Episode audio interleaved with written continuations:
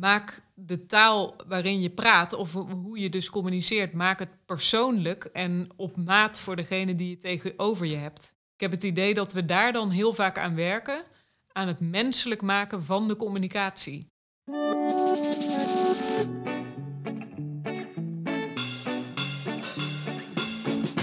Welkom Marcom, voorlichters, adviseurs of communicatienerds. Van junior tot strateeg, van intern tot voorste linie.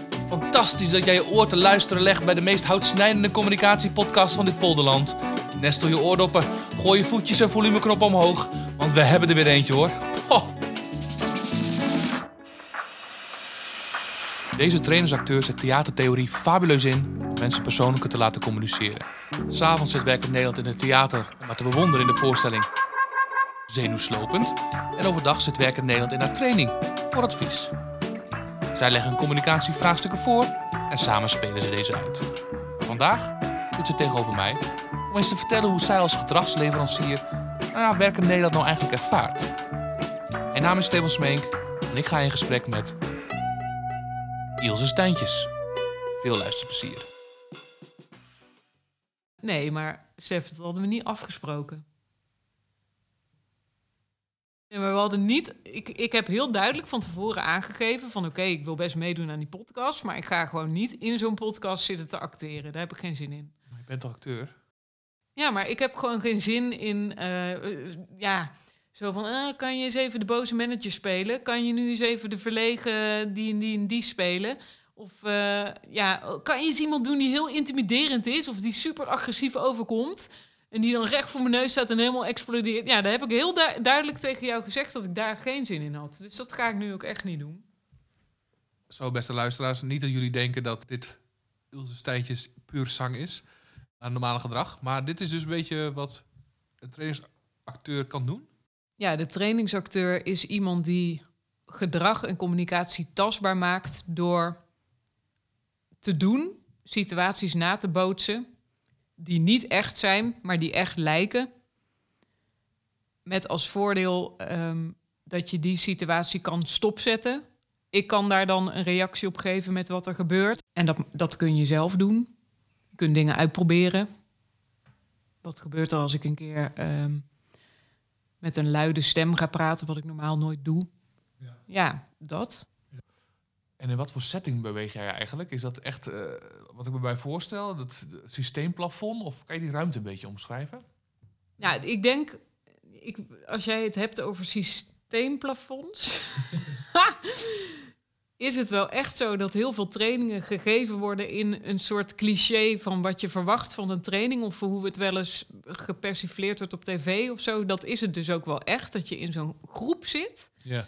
en dan de trainer en een ehm flip-over, een PowerPoint. en dan ben ik dus al blij dat ik daar ook bij mag komen. Want ik kan dat een beetje gaan doorbreken. Ik kan gaan staan, ik kan naast iemand gaan zitten, eh, ik kan weglopen. Ik kan eh, situaties meer alledaags maken of herkenbaar in plaats van een trainingssituatie. Of dat vind ik zelf heel belangrijk om te doen. Ja. ja. Dus eigenlijk mensen komen binnen en die zien dan de, de PowerPoint en dan denken we, daar gaan we weer. Ja. En jij bent er eigenlijk dat een Absoluut. beetje... Ja, precies. Ja. Maar het blijft een gekunstelde situatie. En dat is wat veel mensen ehm, ingewikkeld vinden in eerste instantie. ja. En ik merk gelukkig zo vaak dat zodra ik ga spelen, ja, ik noem acteren eigenlijk ook graag spelen, want dat is het ook, dat ze dan vergeten dat het nep was. Ja. En dat is het allermooiste van theater, gewoon het Sinterklaas-effect. Je gelooft het. Ja, ja. Beetje zoals het eerste danspasje. Die is altijd ongemakkelijk, maar daarna dans je op de dansvloer. Ja, zwemmen leer je ook niet uit een boekje. Je kunt heel lang lezen hoe je zou moeten zwemmen, maar als je dan in het diepe springt, dan verzuip je.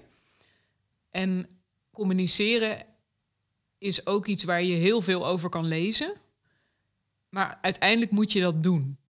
Ja. En wat, wat zorgt ervoor dat ik blijf drijven dan? Leuke vraag. Ehm, hoe blijf je drijven in communicatie? Wat ik daarmee bedoel is, ik kan me voorstellen als je dit zo zegt, dat mensen denken, oh, ik ga nu tegenover jou zitten en je laat mij, ik krijg geen tips. Ik ga helemaal verdrinken in dit gesprek. En dat is misschien die angst. Ehm, is het dan zo dat jij van tevoren een soort boei geeft? Dus je geeft van tevoren, zegt let hier en hier en hier op, dit zijn de tips. Of ga je het eerst doen? Ja, het moet ook bij je passen wat je gaat uitproberen. Maar ik denk dat het dus heel belangrijk is dat uh, er in een training vertrouwen is. Ik denk dat mijn allerbelangrijkste taak is om in eerste instantie vertrouwen op te bouwen met de mensen die met mij uh, gaan werken. Ja, het ijs breken, ook grapjes maken. Uh, en laten zien dat ik er niet ben om een, een show te gaan doen of zo. Of ik ga gewoon ja, niet heel erg theater spelen met uh, grootse theatrale toestanden. Het, ik blijf, blijf bij mezelf. Ja, dus je zegt vertrouwen is heel belangrijk, hè? Um, uit ervaring weet ik dat de trainer vaak die, met die theorie komt, dus dat kan een boei zijn. Maar wat is dan jouw rol? Ik maak de situatie tastbaar. Dus je kunt heel lang praten over hoe vat je iemand nou samen die lang van stof is. Nou, dan weet je van, oh ja, ik kan uh, een zinnetje bedenken waarmee ik iemand onderbreek. Maar uiteindelijk zul je dat moeten doen. Dus dan is het gewoon prettig dat er iemand tegenover je zit die onwijs lang gaat praten. Ja. En dat je dat dan moet doen. En wat voor type mensen zitten dan tegenover je? Wat voor type problemen dragen zij dan aan? Ja, voor mijn gevoel, waarom ik ook zo blij ben, want ik doe dan meerdere dingen in de theaterwereld, maar waarom ik heel blij ben met trainingswerken, is dat ik voor mijn gevoel de maatschappij zie, of gewoon het land. Ik zie heel veel verschillende soorten beroepen. Ik kom in heel veel verschillende soorten gebouwen.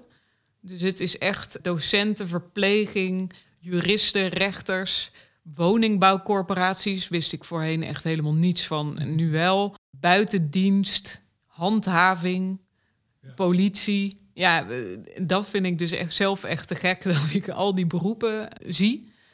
En wat grappig is, fascinerend, dat dan de vragen die mensen hebben, die komen heel vaak overeen. Dus het maakt eigenlijk niet zoveel uit wat voor baan je hebt. In communicatie en gedrag is er veel overlap. Ah ja, snap ik. Wat voor overlap is dat precies? Wat ik heel vaak gevraagd word te spelen is... zijn eigenlijk uh, mensen die veel ruimte innemen. mooi verwoord, mooi verwoord. Ja, ja dat, dat blijft een uitdaging. Hoe kun je je eigen bestaansrecht of zo bevechten als je met iemand te maken hebt die gewoon over je heen walst? Ja, ja. En diegene doet dat natuurlijk niet expres, maar je, je hebt daar, ja, je hebt gewoon ja, die verschillende dynamieken die bestaan tussen mensen. En meestal krijg je toch dat soort situaties. En is het dan de rode persoon tegen de uh, blauwe persoon, dus de introvert tegenover de extrovert? Is dat dan die situatie? Dat heeft daarmee te maken of mensen die het empathische ten opzichte van het zakelijke. Nou, ik speel dus heel vaak managers die ja, gewoon gaan voor de targets, voor het doel behalen. Um, en die niet in eerste instantie nadenken of iedereen er wel lekker bij zit. Want dat kun je toch wel voor jezelf fixen. Daar hoef ik toch niet over na te denken. Ik ga er gewoon vanuit dat iedereen die ik, waar ik mee samenwerk, dat die het in ieder geval voor zichzelf gewoon allemaal eh, goed op orde hebben. En dat ik gewoon lekker kan sparren met die mensen. Dat ik uh, ze van alles kan vragen. Ja. Ik word het nu al een beetje. en stel je voor dat er iemand nou fantastisch ingrijpt, hè? dus die onderbreekt, die spreekt degene aan. Ja. Um, merk jij van, uh, dit is een blijvend effect? Of is het in een trainingssituatie, kan ik het doen? Want ik weet nu wat de tools zijn bijvoorbeeld. Maar om het dan te blijven doen? Ja, dat, dat is natuurlijk wel, maar ook voor de trainer hoop je dat heel erg. Dat je iets veroorzaakt wat beklijft. Ja. En ik hoop daar nog meer aan bij te dragen doordat iemand het gedaan heeft. Ik heb zelf wel echt ervaren dat je dingen in je leven goed onthoudt of dat dingen me bijblijven die ik gedaan heb. Waar ik niet alleen maar over gelezen heb. Ja. Dus ik geloof daar zelf wel echt in dat dat kan werken, omdat ik het zelf heb uh, beleefd. hmm. Dat klinkt best wel logisch. Misschien net zo logisch als onze nieuwe rubriek waarin luisteraars een vraag kunnen stellen. Ah, ik hoor de telefoon al gaan. En nu denk jij als luisteraar vast. Heerlijk, wie belt er? Wie hangt er aan de lijn? Het moet toch wel een communicatieadviseur zijn of een procesregisseur, directeur, in ieder geval een luisteraar. Wat je vragen? Hij heeft toch hopelijk niets te klagen? Laat hem in ieder geval iets zeggen. Voordat gast verdwijnt.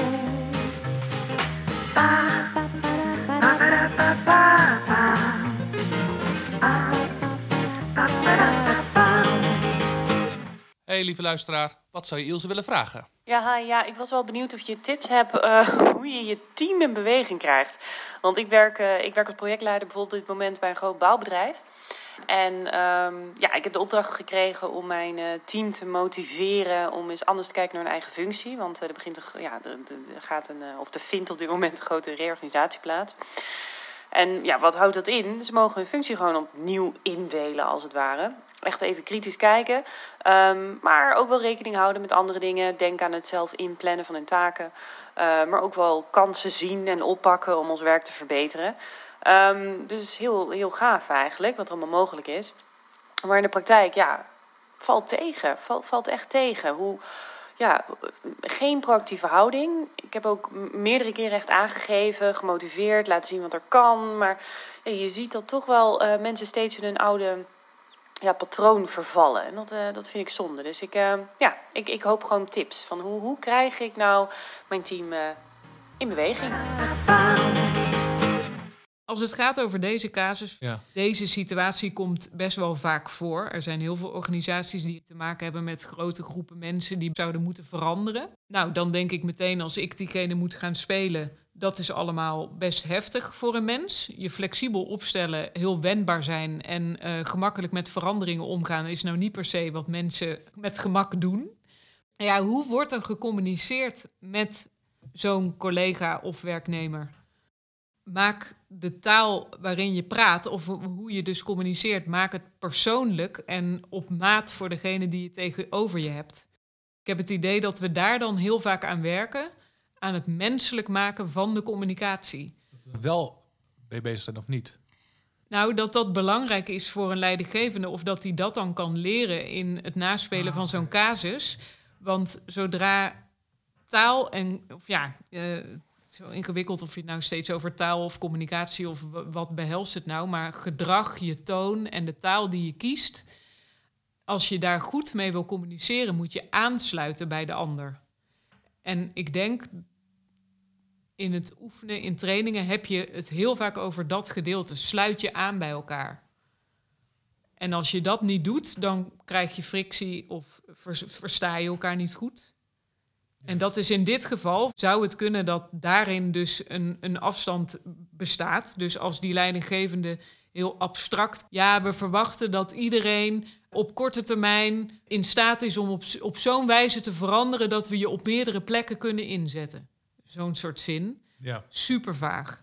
We verwachten dat je zelf op onderzoek uitgaat wat je nog meer zou willen doen in je huidige werk? Of welke andere werkzaamheden zou je nog graag willen doen? Of dat blijft allemaal vaag. En dan heb je het gevoel van, oh, ze willen dus iets, maar wat is niet helemaal duidelijk. Ik moet er zelf voor aan de slag.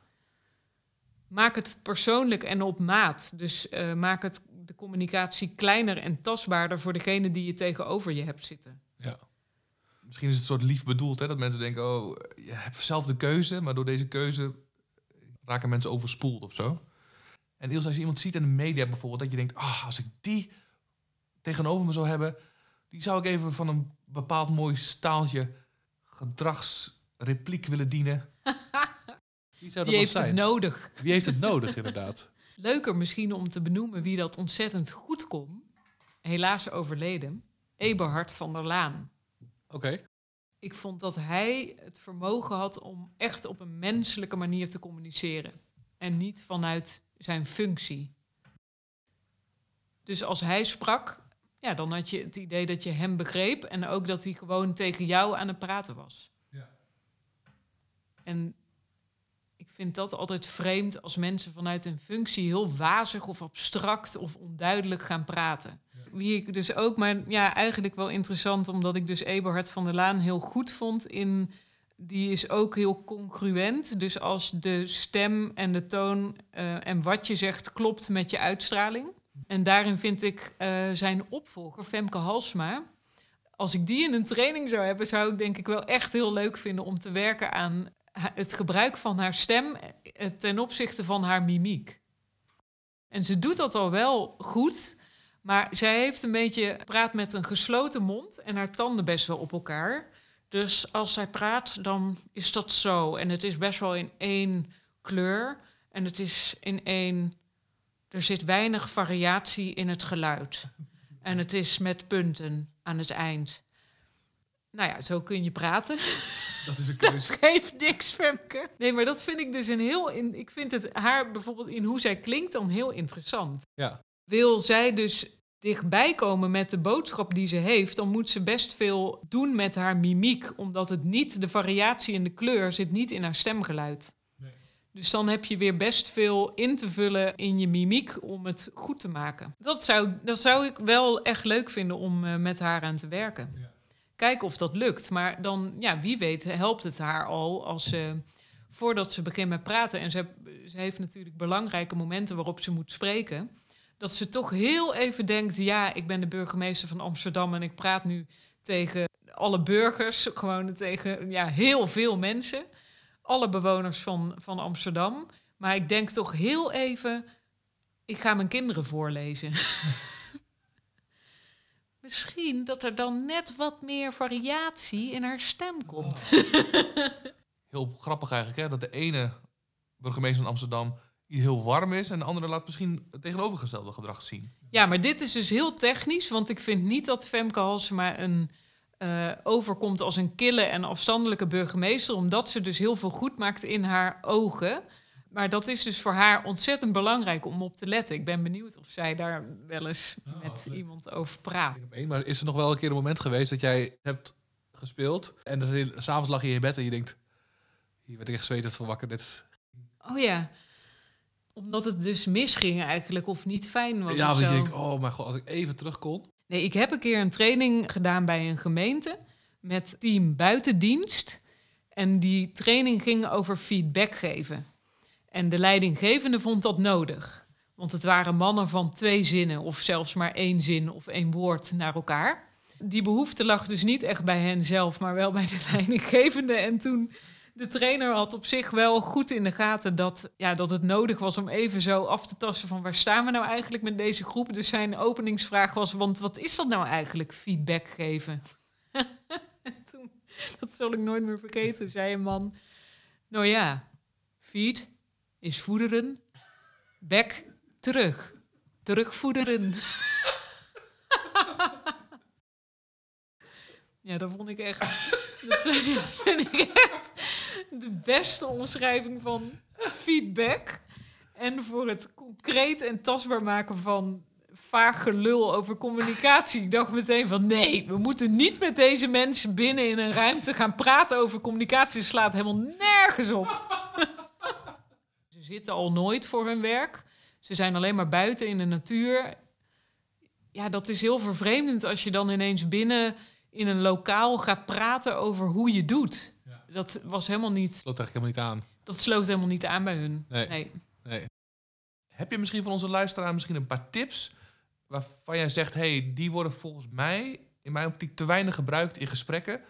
Nou ja, heb je misschien een paar van dit soort voorbeelden voor onze luisteraars? Eh, tips. Tips voor de communicatie. Nou. Je mag zoeken naar woorden. Je mag gewoon zoeken naar woorden. Altijd. En hardop zeggen dat je zoekt naar woorden. Hoe klinkt dat? Nou, zo. Ik, ik geloof dat ik even moet nadenken. Nee, ja, ik weet gewoon eigenlijk even niet zo goed hoe, wat voor woorden ik moet gebruiken. Ik, nee, ik, ik, denk ook dat ik dit even opnieuw, eh, dit gesprek even opnieuw wil doen. Want ik heb net helemaal de verkeerde woorden gebruikt. Dus eh, ik doe het even opnieuw. Is dat goed? Dat was tip 1. Moet je gewoon doen. Tip 2. Gebruik je stemgeluid. Maak het muzikaal en speel met ritmes. Weet dat je kunt versnellen met je stem, dat je de hoogte in kunt gaan en dat je kan vertragen, de laagte in kunt gaan. Je kunt alle kanten op. Communiceren is observeren. Goed luisteren naar wat die ander zegt. Als je goed luistert, dan kan je gewoon een beetje woorden jatten van die ander, waardoor je heel persoonlijk overkomt. Ik vind die laatste tip heel mooi, omdat dit echt laat zien hoe jij naar communicatie kijkt. En ik vind het ook wel een mooi moment om deze, dit gesprek even af te ronden. Ilse, ik wil je hartelijk bedanken voor dit fantastische gesprek. Ik heb er genoten. Heel graag gedaan.